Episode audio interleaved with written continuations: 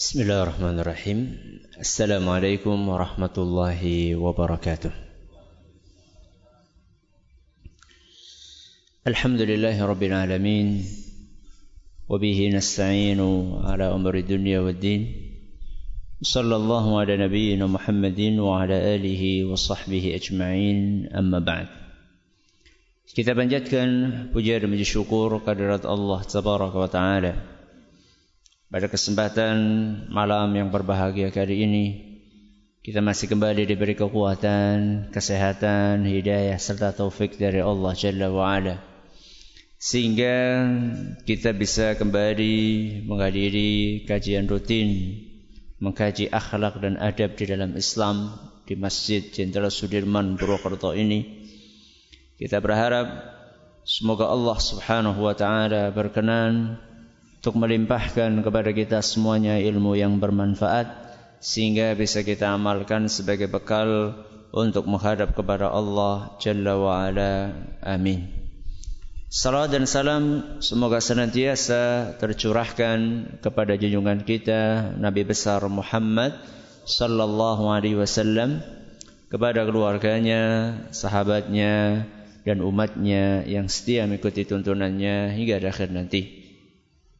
Para hadirin dan hadirat sekalian yang kami hormati dan juga segenap pendengar Radio Insani via streaming di mana pun anda berada dan juga para pemirsa Yufi TV yang semoga senantiasa dirahmati oleh Allah Azza wa Jal. Pertemuan terakhir kita tentang apa? Lupa. Mohon maaf ya, libur dua pertemuan tanpa pemberitahuan. Ya. Sebenarnya kami itu kalau punya jadwal rutin itu berusaha untuk tidak libur selama masih bisa tidak libur. Ya. Contoh hujan apa itu selalu Bismillah berusaha untuk kami tetap datang. Karena biasanya jamaah itu akan menyesuaikan gurunya atau ustadznya. Kalau ustadznya rajin, biasanya jamaahnya juga apa? Rajin. Kalau ustadznya sering bolos, biasanya jamaahnya juga apa? Sering bolos. Nih. Maka kami berusaha dalam kajian-kajian itu untuk tidak absen selama memang tidak memang bisa tidak absen. Dan kalaupun absen akan ada pemberitahuan. Seperti misalnya suatu saat saya ngisi di luar kota, maka saya akan memberitahukan seminggu sebelumnya atau dua minggu sebelumnya. Atau seperti bulan Ramadan karena memang waktunya kurang pas sulit ya pada maghrib sampai isya biasanya kita umumkan. Nah kalau kemarin ini nggak bisa diumumkan sebelumnya karena ujuk-ujuk, karena ujuk-ujuk. Ada sebuah kepentingan yang tidak bisa ditinggalkan. Saat masa lebih penting dari pengajian? Iya, lebih penting dari pengajian. Karena saya ngisi di sini hukumnya adalah fardu kifayah. Apa? Fardu kifayah. Amalan yang yang kami lakukan di sini hukumnya adalah fardu kifayah. Ngisi pengajian bagi seorang dai hukumnya apa? Fardu kifayah. Berarti ada yang di atasnya itu. Apa itu? Fardu ain. Nah, kepentingan itulah hukumnya fardu ain. Makanya yang fardu kifayah ini kalah. Ya, yang fardu kifayah ini kalah. Apa Ustaz? Kepo. ya. Mungkin yang sepuh-sepuh enggak Indonesia ya kepo itu bahasa anak muda. ya. Ya enggak apa-apa lah untuk ini saya sampaikan ini bukan untuk apa-apa tapi untuk uh, kita belajar uh, punya skala prioritas. Ya, jadi yang saya akan saya sampaikan saat ini alasan kepentingan itu apa saya cerita itu bukan untuk apa-apa insya Allah tapi untuk pembelajaran bagaimana kita itu menyusun prioritas. Ada yang penting ada yang lebih penting ada yang sangat penting. Kepentingan itu saat itu adalah karena istri saya sakit. Ya. Wah istri sakit biasa Ustaz. Agak serius sakitnya. Ya. Sakitnya agak serius sehingga saya harus nunggu istri di rumah sakit Nah, kalau yang seperti ini nggak bisa diwakilkan sama orang lain. Kalau seperti ini harus apa? Harus suami turun. Ya, harus suami turun tangan, nggak bisa diwakilkan sama orang lain. Alhamdulillah sekarang sudah mendingan. Sekarang sudah mendingan. Ala kuliah ini cerita bukan untuk apa-apa, tapi untuk ketika seorang itu punya penting, ada yang lebih penting, maka mau nggak mau harus apa? Harus dikalahkan. Yang penting itu demi untuk apa? sesuatu yang lebih penting. Ya. Ini yang namanya skala prioritas. Ini yang namanya skala prioritas. Alhamdulillah sudah mendingan, yang penting itu intinya sudah mendingan. Sehingga Alhamdulillah kita bisa berjumpa lagi dalam kajian adab dan akhlak eh, yang masih melanjutkan pembahasan tema yang lalu. Apa ya saat itu ya? Adab Adab apa? Majlis Adab Majlis Yaitu hadis Nabi Sallallahu Alaihi Wasallam Yang berbunyi La yuqimur rajulu Rajula min majlisihi Thumma yajlisu fihi Tidak boleh seseorang nyuruh orang lain untuk berdiri pindah dari suatu majelis kemudian dia duduk di situ. Walakin tafassahu wa tawassa'u. Akan tetapi hendaklah kalian saling melonggarkan, saling meluaskan, saling memberi tempat kepada orang lain. Hadis ini sebagaimana yang sudah kami sampaikan ini berbicara tentang adab majelis buat orang yang telat dan buat orang yang apa kebalikannya telat? Yang datang duluan. Ya. Buat orang yang telat dan buat orang yang datang duluan.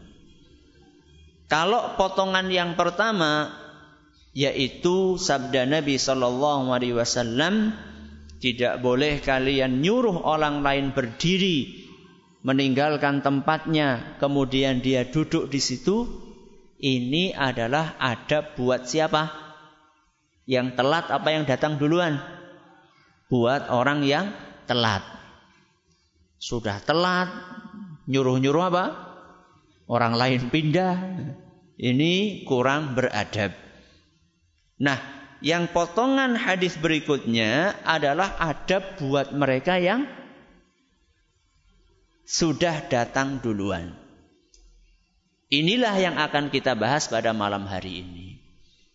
Karena pembahasan tentang adab buat mereka yang telat sudah kita selesaikan alhamdulillah pada pertemuan yang lalu, maka malam hari ini kita akan membahas adab bagi mereka yang datang duluan.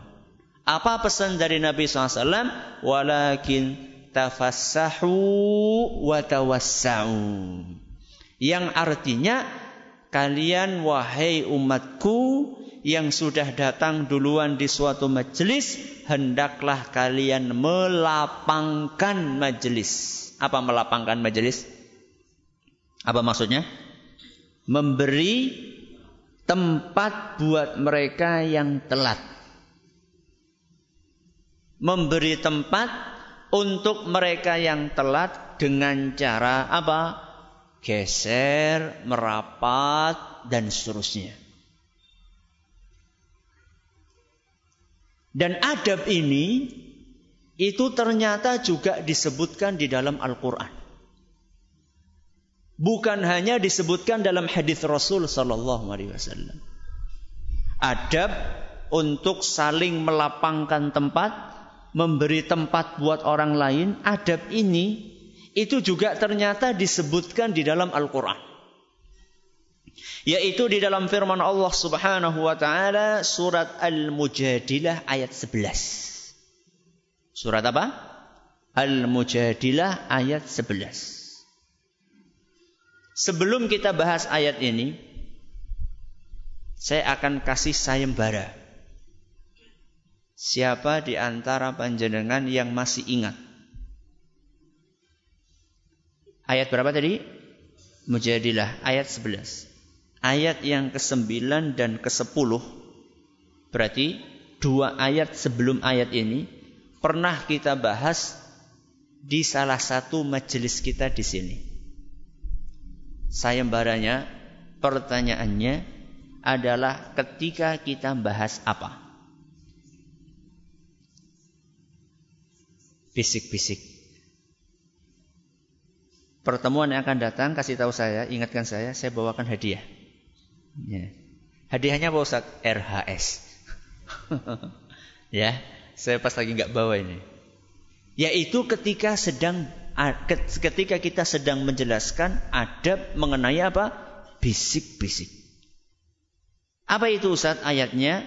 Yaitu firman Allah Subhanahu wa taala, "Ya ayyuhalladzina amanu, idza tanajaitum fala tatanyajaw bil itsmi wal udwani wa ma'siyatir rasul." Wahai orang-orang yang beriman, ketika kalian sedang bisik-bisik, janganlah kalian bisik-bisik dalam masalah dosa, permusuhan atau maksiat kepada Rasul SAW. Watanajau bil birri wat taqwa. Hendaklah kalian itu berbisik-bisik dalam kebaikan dan ketakwaan. Wattaqullaha ilaihi tuhsyarun. Dan bertakwalah kalian kepada Allah, sesungguhnya kalian semuanya akan dikumpulkan di hadapan Allah nanti pada hari kiamat. Ini ayat ke-9. Ayat yang ke-10, innaman najwa minasyaitan. Bisik-bisik itu yang enggak baik itu dari siapa? Setan. Liyahzunal ladzina amanu.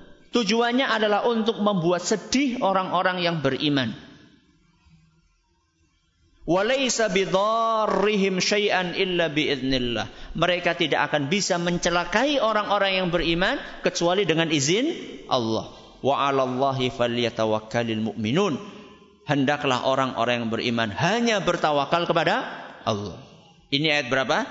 9 dan berapa? 10. Larangan bisik-bisik dalam perbuatan dosa, maksiat, permusuhan dan seterusnya. Dan ini sudah kita bahas. Setelah Allah melarang tentang bisik-bisik yang tidak benar, baru kemudian ayat yang ke-11 Allah menceritakan adab di dalam majlis. Apa bunyinya? Ya ayyuhalladzina amanu. Wahai orang-orang yang beriman. Idza qila lakum tafassahu fil majalisi fafsahu. Wahai orang-orang yang beriman, kalau dikatakan kepada kalian lapangkanlah majelis, geser, rapatkan, maka hendaklah kalian lapangkan. Apa pesan dari Allah? Kalau dikatakan kepada kalian geser, maka geserlah. Kalau dikatakan kepada kalian lapangkan majelis, lapangkanlah. Ini pesan dari siapa? Dari Allah. Menarik sekali untuk kita cermati. Ini disampaikan oleh Imam oleh Al-Allamah Ar-Razi dalam tafsirnya. Ayat 9 10. Larangan untuk apa tadi? Bisik-bisik yang enggak benar. Ayat yang ke-11 perintah untuk melapangkan majelis. Kata beliau, di dalam ayat yang ke-9 dan ke-10, kita ini dilarang untuk melakukan sesuatu yang merusak ukhuwah. Apa? Dilarang untuk melakukan sesuatu yang bisa merusak ukhuwah. Setelah itu di ayat yang ke-11 Allah Subhanahu wa taala menyebutkan hal-hal yang bisa apa? mengeratkan ukhuwah. Subhanallah. Jadi di dalam ayat-ayat ini surat apa tadi? Mujadilah. Ayat berapa? 10, 11, eh maaf, 9, 10, 11. Kenapa tadi saya kasih sayembara? Karena saya husnudon kepada jamaah itu pada nggak bawa tulisan, saya pikir sudah ingatannya kuat-kuat gitu. Ternyata satu orang. Tapi yang lain ingat nggak tadi? Ingat? Kapan? Barusan. ya, saya husnudon. Saya berbaik sangka kepada jamaah yang nggak bawa pulpen, yang nggak bawa buku ini ingatannya kuat-kuat kayak Imam Syafi'i. Nggak perlu apa? Nggak perlu nulis ya ngajinya jiping. Apa jiping? Ngaji kuping. Seneng seneng jenengan saya husnudon nih. Seneng ya jenengan saya husnudon. Besok bawa buku ya. bawa pulpen. Sampai mana tadi? 9, 10, 11. Jadi di dalam agama kita ini Allah Subhanahu wa taala mengajarkan kepada kita apa saja hal-hal yang bisa menimbulkan ukhuwah, yang bisa menimbulkan kasih sayang di antara kaum muslimin dan apa-apa saja yang merusak hubungan di antara kaum muslimin. Di ayat yang ke-9 dan 10 Allah Subhanahu wa taala mewanti-wanti dari perbuatan-perbuatan yang bisa merusak kasih sayang di antara kaum muslimin. Bisik-bisik, timbul su, suudzon buruk sangka, permusuhan, iri, dengki, hasad, fitnah. Sama Allah Subhanahu wa taala dilarang semuanya. Jangan bisik-bisik. Kalau tidak perlu. Kalaupun perlu ada aturannya tuh 2 3 4. Kita sudah bahas dahulu. Setelah itu nggak cukup Allah Subhanahu wa taala sekedar melarang jangan kalian lakukan ini. Kemudian Allah Subhanahu wa taala tambahi lagi apa-apa yang bisa membuat ukhuwah dan kasih sayang ini tumbuh di antara kaum muslimin. Antara lain adalah kalau diminta untuk geser maka geserlah. Idza qila lakum fil majalis. Kalau dikatakan kepada kalian meluaslah, melapangkanlah, geserlah di dalam suatu majelis, maka geser. Kasih kesempatan buat yang lain. Majelis apa? Majelis apa? Majelis taklim? Majelis apa? Semua majelis? Majelis ngelumpi? Majelis kebaikan. Majelis kebaikan. Diawali ketika majelis atau ngumpul-ngumpul saat sholat. Saat apa? Sholat. Maka Nabi kita sallallahu alaihi wasallam pesan, "Sawwu sufufakum." Apa itu? Luruskan. Di dalam hadis yang lain, ya, ada perintah untuk merapatkan. Bukan hanya meluruskan tapi juga merapatkan. Nun sewu. Kadang-kadang ada sebagian jamaah datang ke masjid bawa sajadah. Masa nggak boleh Ustadz? Kan dingin. Bukan masalah sajadah boleh atau tidak. Para ulama kita mengatakan kalau memang tidak terlalu banyak apanya motifnya dan diperlukan tidak apa-apa. Tapi yang jadi masalah bukan masalah sajadahnya atau tidak, tapi bahwa sajadah sing gedene pol bisa ngowong pira? Ya orang ngowong telu. Gowong telu bocah cilik iya. Kalau buat orang dewasa bisa buat dua orang. Kemudian dipakai sendiri. Hmm. Seakan-akan sajadahnya ini nggak boleh di diinjek sama teman yang di sampingnya. Gak benar seperti ini. Ya. Ini yang membuat setan itu pada bludas, bludus. Ya. Ustaz apa pernah lihat setan? Enggak, enggak, enggak pernah. Rasul SAW yang mengatakan. Rasulullah SAW yang menyebutkan ketika soft itu tidak rapat, maka setan akan bludas bludus. Akan masuk sana, masuk sini. Sehingga sholatnya pada ke mana-mana pikirannya. Ketika kita sudah berada di suatu soft, kemudian masih ada tempat kosong, kasih tempat kosong itu buat orang lain. Ini praktek dari sabda firman Allah Subhanahu wa taala, tafassahu. Ya, luaskanlah, kasihlah kesempatan tempat buat orang lain supaya dia bisa sholat di situ. Ya, jangan mentang-mentang kisah jadah nembe tuku sekang Mekah. Ya, nembe Bali apa? Bali kaji. Ya. Kompok urung kaji ya ora. Astagfirullahaladzim. Wonten kados niku? Wonten apa mboten? Langka? Oh, kata. Masya Allah. Teng mriki wonten? Mboten nggih. Sajadah wis empuk masa nggak usah sajadah maning. ya. Makanya Rasulullah SAW dalam sebuah hadis yang diriwayatkan oleh Imam Abu Dawud dan hadis ini dinyatakan sahih oleh Imam Ibn Khuzaimah, oleh Imam Ibn Hibban, dan juga oleh Syekh Al-Albani. Rasulullah SAW pernah bersabda, Khiyarukum. Orang yang paling baik di antara kalian. Orang yang paling baik di antara kalian. Siapa? Aliyanukum manakiba fis salah adalah yang paling lembut pundaknya ketika sholat. Apa? Orang yang paling baik di antara kalian adalah yang paling lembut pundaknya ketika sholat.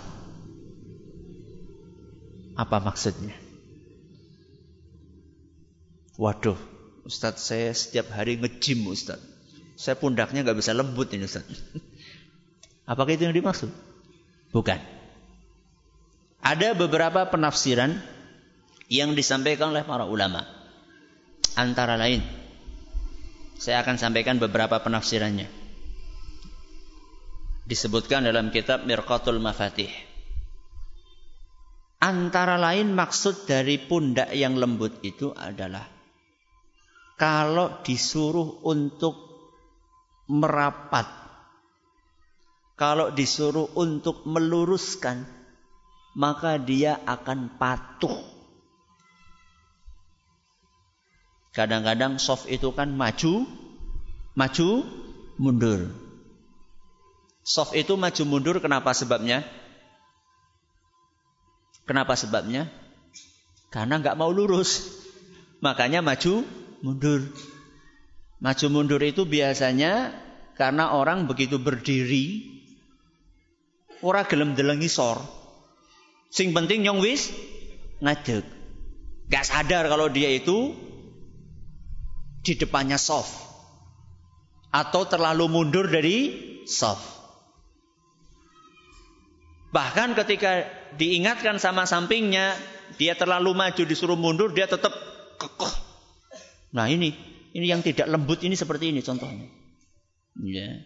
Tidak lembut pundaknya ini disuruh mundur meluruskan nggak mau. Ya. Gak tahu ya ada sebagian orang tuh kepriwe ya. Apa gengsi apa?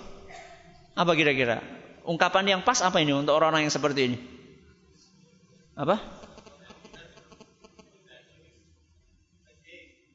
PD. PD rumangsa bener. ya nggak tahu lah apa istilahnya. Hmm, sudah jelas-jelas dia ini nonjol. Apa pengen menonjol deh? Sudah jelas-jelas dia itu sopnya yang lainnya pada lurus, dia maju, disuruh mundur gak mau. Ini bukan orang yang baik. Orang yang baik adalah orang yang paling lembut pundaknya. Ketika dia disuruh meluruskan, dia akan meluruskan. Disuruh maju-maju, disuruh mundur-mundur. Ya kalau misalnya nggak mau disuruh maju mundur, maka seharusnya kita ketika sudah berada di sop akan mulai, maka kita yang meluruskan. Kadang-kadang orang sholat itu nggak peduli. Wis lurus apa urung, sih penting Allahu Akbar. Bantulah imamnya. Ya, misalnya soft segini, masa imamnya kan sulit imamnya suruh keliling ke belakang itu kan? Harusnya masing-masing punya apa? Punya kesadaran pribadi. Ya. Punya kesadaran pribadi untuk meluruskan, merapatkan. Ini penafsiran yang pertama. Penafsiran yang lainnya yang disebutkan dalam kitab yang sama juga adalah ketika ada celah, ketika ada celah di samping kita dan itu cukup untuk orang lain supaya masuk, maka geser. Lembutkan pundakmu supaya temanmu itu bisa masuk ke situ. Jangan malah sebaliknya. Malah dibenggongaken. Hmm. Rolih mlebu. Ini atos dan kaku pundaknya. Ya. Walaupun ratau ngejim.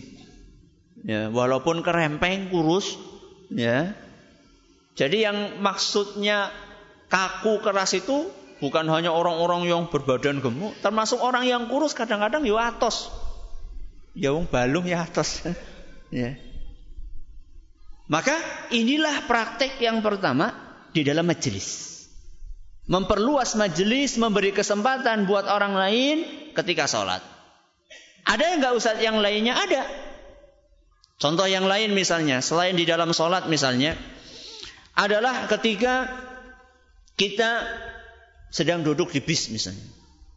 Atau duduk di angkot misalnya. Kursi kita ini masih bisa untuk dikasih kesempatan buat orang lain walaupun kurun jagong oli apa nih? Oli separuh misalnya. Walaupun cuma dapat sedikit, mending dia daripada berdiri. Ada sebagian orang, masya Allah, empatinya ini sama sekali tidak ada, atau sudah agak tumpul empatinya.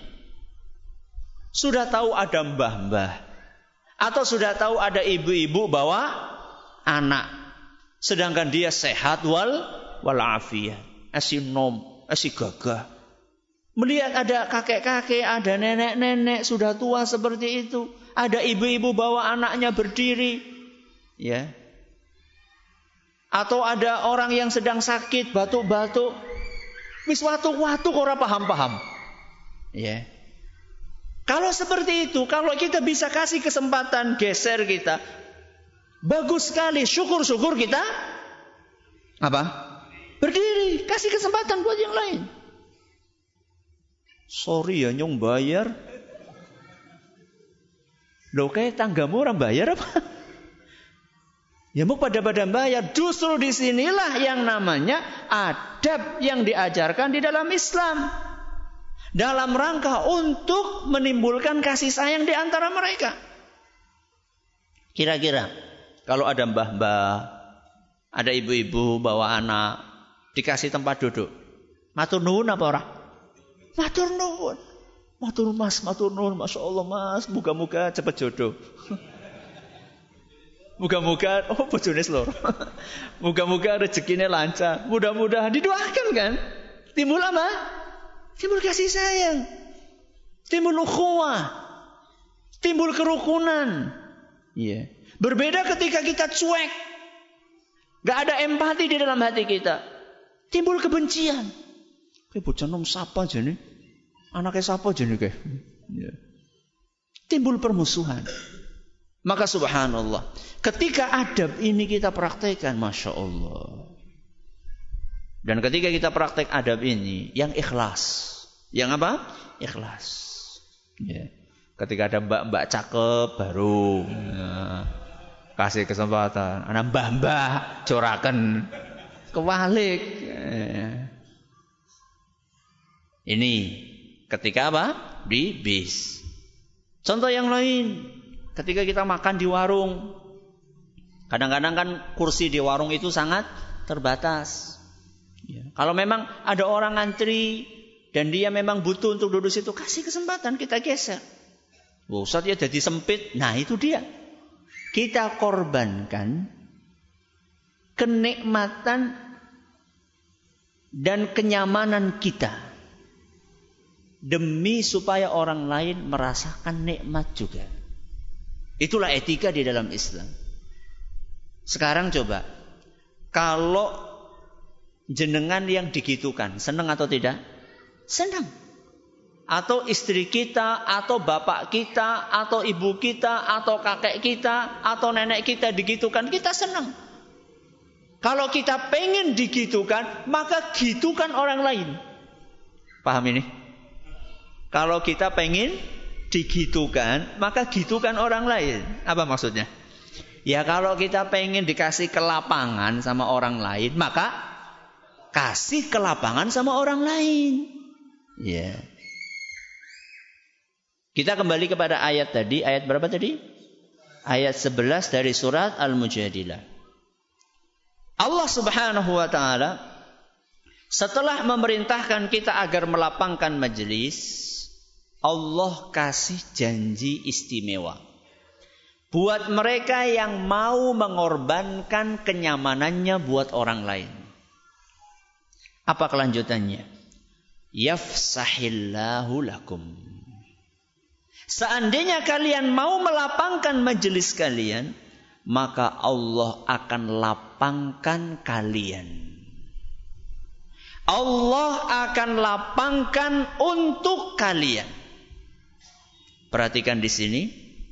Perintahnya kita supaya melapangkan majelis. Ganjarannya kita akan dilapangkan oleh Allah.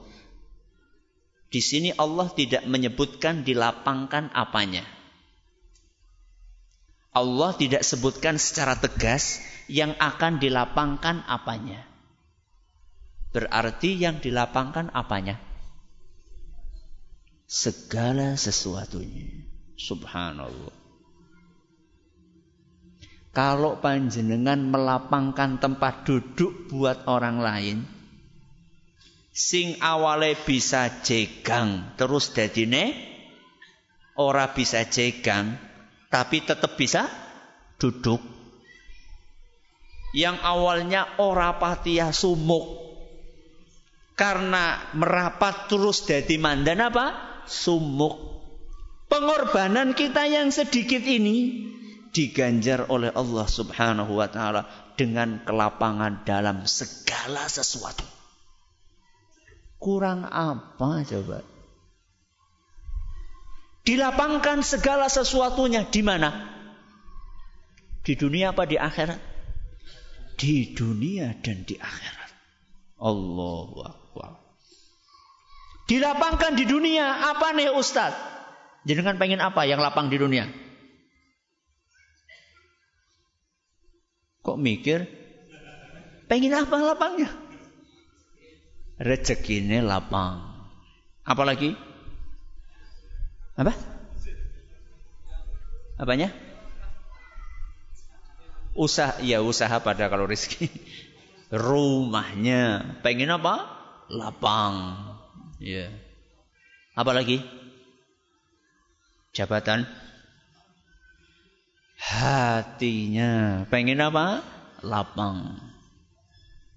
Kita ingin semuanya ini lapang, rizkinya pengen lapang, Rumahnya pengen lapang. Hati, hatinya pengen lapang. Maka lapangkanlah majelis buat orang lain. Ya. Rizkinya akan lancar. Rumah jenengan juga akan plong. Hatinya juga akan nyaman. Ini baru ganjaran di mana? Di dunia. Belum ganjaran di mana? di akhirat. Ganjaran di akhirat apa? Akan dilapangkan satu. Apanya? Apanya? Apanya? Kuburannya. Ya, aja surga di situ, kuburannya di situ. Dilapangkan kuburannya. Ada orang-orang yang kuburannya sempit dan ada orang-orang yang kuburannya lapang. Walaupun aslinya ukurannya sama. Berapa ukurannya? Satu kali dua. Rumah masa depan. Itulah rumah masa depan kita semua. Enggak peduli jenengan sekarang umai tingkat amba sempit tingkat loro, tingkat telu, tingkat papat, tingkat sepuluh, rumah masa depan kita semuanya sama. Berapa? Satu kali dua. Akan tetapi Walaupun aslinya satu kali dua, akan tetapi ada orang-orang yang satu kali dua itu dibikin oleh Allah Subhanahu wa taala luasnya seluas mata memandang. Madal basar kata Nabi SAW. Siapa mereka? Antara lain orang-orang yang ketika di dunia mau ngasih kelapangan buat orang lain. Yeah. Kalau kita melapangkan untuk orang lain, kita akan dilapangkan oleh Allah Subhanahu wa taala. Al jazaa'u min jinsil amal kata para ulama. Ganjaran itu sesuai dengan amalan kita. Orang Jawa mengatakan sapa nandur bakal ngunduh. Orang nandur pengen ngunduh. Apa gue? Orang nandur pengen ngunduh. Maling. Orang nandur pengen ngunduh. Nek pengen ngunduh, nandur. Kalau kita pengen diluaskan sama Allah, luaskan orang lain. Ya. Yeah. Panjenengan jualan di pasar, dapat apa? Space, masih bisa buat temannya, kasih buat orang lain. Loh yang kunyung tampahku jadi orang bisa gede. Loh terus tanpa ya tanggane, ya. lapangkan. Kasih kesempatan buat orang lain. Kasih tempat buat orang lain. Akan di, diluaskan di dunia dan di akhirat. Di akhirat mulai dari mana tadi? Dari kuburan. Termasuk juga nanti di surga Allah subhanahu wa ta'ala. Arduhas samawat wal ard. Surga itu lebih luas daripada langit dan bumi. Subhanallah. Surga itu bukan seluas tapi lebih luas dari langit dan bumi. Itu semuanya uiddat lil muttaqin. Allah sediakan buat siapa? Buat orang-orang yang bertakwa. Dan salah satu kriteria orang yang bertakwa yang disebutkan oleh Allah Subhanahu wa taala tadi di dalam Al-Qur'an. Idza qila lakum tafassahu fil majalisi fafsahu. Kalau dikatakan kepada kalian, lapangkanlah majelis, maka lapangkanlah. Inilah salah satu kriteria orang yang bertakwa. Maka kami anjurkan kepada diri kami pribadi dan juga kepada jamaah kepada jamaah sekalian mulai saat ini usahakan kalau memang kita punya space ya punya space yang bisa dipakai sama orang lain kasih buat orang lain. Duduk di situ sehingga semuanya akan merasa nyaman dan ukhuwah akan semakin terjalin. Sebelum adzan ya saya ingin menyampaikan pengumuman insya Allah hari Ahad besok tanggal berapa itu tanggal 4 Desember akan ada pengajian umum insya Allah yang kami isi di Masjid Agung An-Nur Kauman Banjarnegara. Masjid apa? An-Nur Kauman Banjarnegara jam 9 insya Allah pagi sampai selesai. Temanya Sang Idola Sempurna. Apa judulnya? sang idola sempur. Golet idola gue aja tanggung-tanggung. Golet idola gue sing sempurna sisan. Ya. Siapa idola itu? Hadiri pengajian. Ustaz aduh teman Banjar la ilaha illallah. Mau Banjar be. Banjar itu cuma berapa kilo? Berapa kilo? Berapa? 70? Apa iya? 50 lah, korting di 50 kilo itu enggak ada apa-apanya. Para ulama kita dahulu, para ulama kita dahulu menghadiri pengajian jaraknya ratusan ribuan kilometer. Melaku. Apa? Melaku. Tambah maning, nyeker. Ya, enggak cuma melaku, nyeker. Kalau jenengan ke Banjar apa? ngepit. Minimal apa? Motor. Minimal motor. Dan banyak yang sudah Masya Allah pakai mobil. Ya, mudah-mudahan bermanfaat. Sudah masuk apa belum? Belum. Kalau ada yang mau bertanya silahkan sambil nunggu azan. Monggo. Apa masih sibuk? Oh iya. Itu yang dibagikan itu silahkan dibaca. Diwaca tok tuh Ustaz. Yo ya. Itu kesempatan untuk bangun apa? Membangun istana di surga. Kesempatan untuk membangun istana di surga. Kirain mau tanya. Gak ada pertanyaan? Monggo. Ya. Yeah. Apakah adab tadi kasih tempat duduk di bis itu bisa diaplikasikan kepada non muslim? Di bis misalnya. Tahunya non muslim gimana Ustaz? Kalung eh. Dari apa? Kalung. Kalau dia membutuhkan tidak apa-apa. Kalau dia membutuhkan, tidak apa-apa. Bahkan mudah-mudahan itu bisa jadi apa? Sarana untuk mengenalkan apa? Keindahan Islam. Ya. Karena nuwun sewu, kita perlu tahu bahwa Islam itu aslinya indah. Islam itu aslinya indah. Kalau misalnya Islam kelihatan nggak indah itu gara-gara siapa? Gara-gara siapa?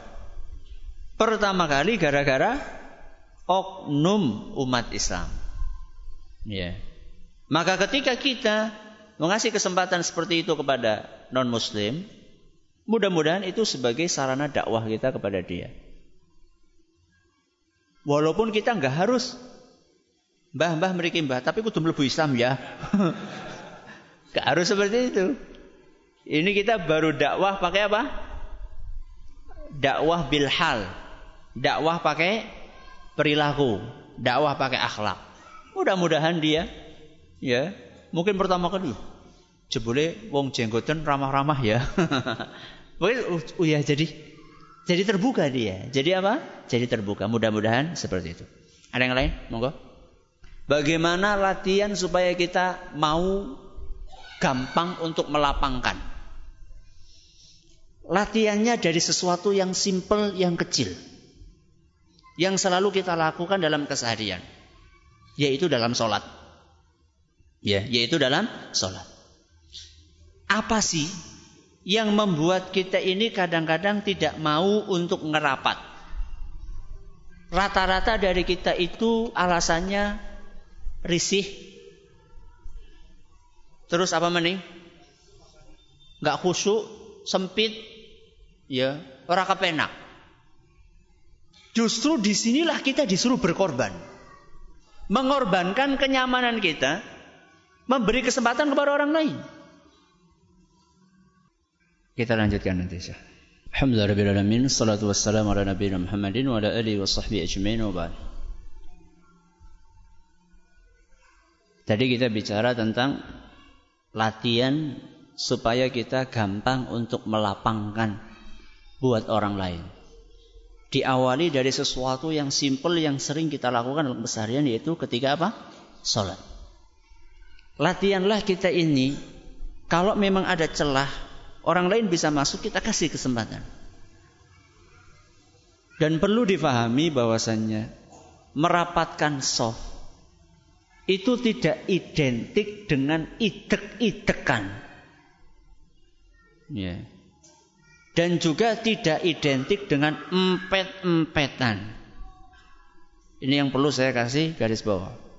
Karena ada sebagian orang ya yang berusaha mengesankan sop yang rapat itu adalah harus injek-injekan. Enggak. Ya. Kalau memang tidak cukup untuk masuk, ya tidak kita kasih masuk. Tapi kalau cukup, kenapa kita tidak kasih masuk ke soft tersebut? Kadang-kadang kita ini bukannya tidak cukup, tapi memang tidak mau untuk memberikan kesempatan orang lain masuk. Cara merapatkan soft itu diawali dari pundak terlebih dahulu. Bukan dari mana? Bukan dari kaki. Ya. Karena kalau kakinya dulu nanti akan renggang juga. Kalau misalnya kakinya, iya kakinya nempel, tapi dibenggang. Kayak orang apa namanya? Mau kayang. Ya. Sampingnya juga sama. Itu rapat apanya? Rapat kaki dengan kaki, tapi ngisurnya bolong. Ya. Kemudian nanti akan kelihatan ketika sedang duduk. Ketika sedang duduk nanti duduknya juga tidak akan rapat. Tapi merapatkan soft itu diawali dari mana? Dari pundak. Maksudnya apa Ustaz? Maksudnya adalah ketika kita soft seperti ini, sudah kita takbir seperti ini, atau ketika kita sedang berdiri seperti ini, maka pundak ini nempel dengan pundak samping kita. Nempel itu bukan dempet, bukan nganti apa, Tadi itu empet-empetan bukan. Yang penting nem nempel. Setelah ini nempel, baru kemudian kaki ini kita apa? Kita buka. Jadi sholat itu bukan posisi berdiri apa namanya sempurna itu ya, dalam baris berbaris itu ya. Yang kakinya seperti ini, bukan seperti ini sholat. sholat berdirinya bukan seperti sholat ini berdirinya adalah kakinya dibuka, menyesuaikan dengan apa? Menyesuaikan dengan pundak. Itu adalah merapatkan. Adapun meluruskan itu yang dijadikan ukuran adalah bagian belakang telapak kaki bukan bagian depannya. Jadi kalau pengen tahu soft itu lurus atau bukan, itu ngelihat mananya? Ngelihat kia apa jenengan iki? Tumit. Nek tumitnya lurus berarti lurus. Kenapa kok ngelihat tumitnya bukan ngelihat depannya? Karena yang sholat itu telapak kakinya tidak seragam. Yang sholat itu ada yang telapak kakinya ponjong, ada yang telapak kakinya pendek. Kalau misalnya kita ngukurnya pakai bagian depan jari-jari ini lurus yang ngarep, engko burine zigzag. Ya. Maka yang lurus adalah apanya? Bagian tumitnya. Ini namanya meluruskan, merapatkan. Kalau meluruskan tadi saya sudah sampaikan, merapatkan adalah apanya? E, pundaknya terlebih dahulu, kemudian baru kakinya. Latihan dari seperti ini. Latihan dari sesuatu yang sifatnya harian. Kemudian setelah itu ketika kita ketemu momen-momen kayak tadi di mana di bis, di angkot, kemudian di uh, di warung, ya, atau kita punya lapak, ya, kasih kesempatan buat orang lain.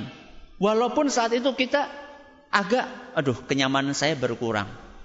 Justru di situlah kita dilatih untuk mengekang nafsu kita. Jadi ke kenyamanan, kelapangan itu memang bagian dari nafsu. Manusia kan pengennya sing enak-enak, ya, sing amba-amba, sing liane ora kebagian, wis seneng. Ya, nafsu itu senangnya seperti itu. Coba panjenengan tanya sama nafsu. Kalau panjenengan punya makanan, enaknya dimakan sendiri apa dibagi? Tanya kepada nafsu. Pengennya apa? Sendiri.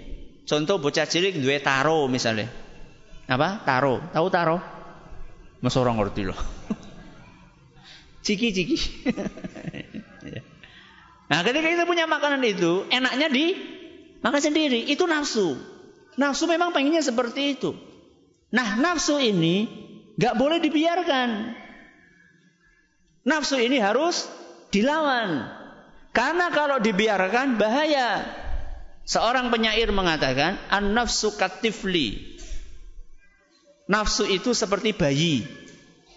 Intuh milhu syabba ala hubbir radha'i. Kalau kamu biarkan nafsu itu, maka akan jadi bayi yang netek sampai dewasa. Nafsu itu kayak apa? Bayi. Kalau dibiarkan, dituruti terus. nanti akan seperti bayi yang netek sampai dewasa. Alias nafsu itu harus disapih. Harus di apa? Sapih. Ketika disapih protes enggak? Protes enggak? Protes. Terus naik protes manut maning. Coba sekarang saya tanya jenengan, punya anak, punya bayi, disapih enggak? Disapih enggak? Kalau jenengan pengen nyoba, enggak disapih, temenan nganti gede tetap. Apa iya Ustaz? Lu temenan.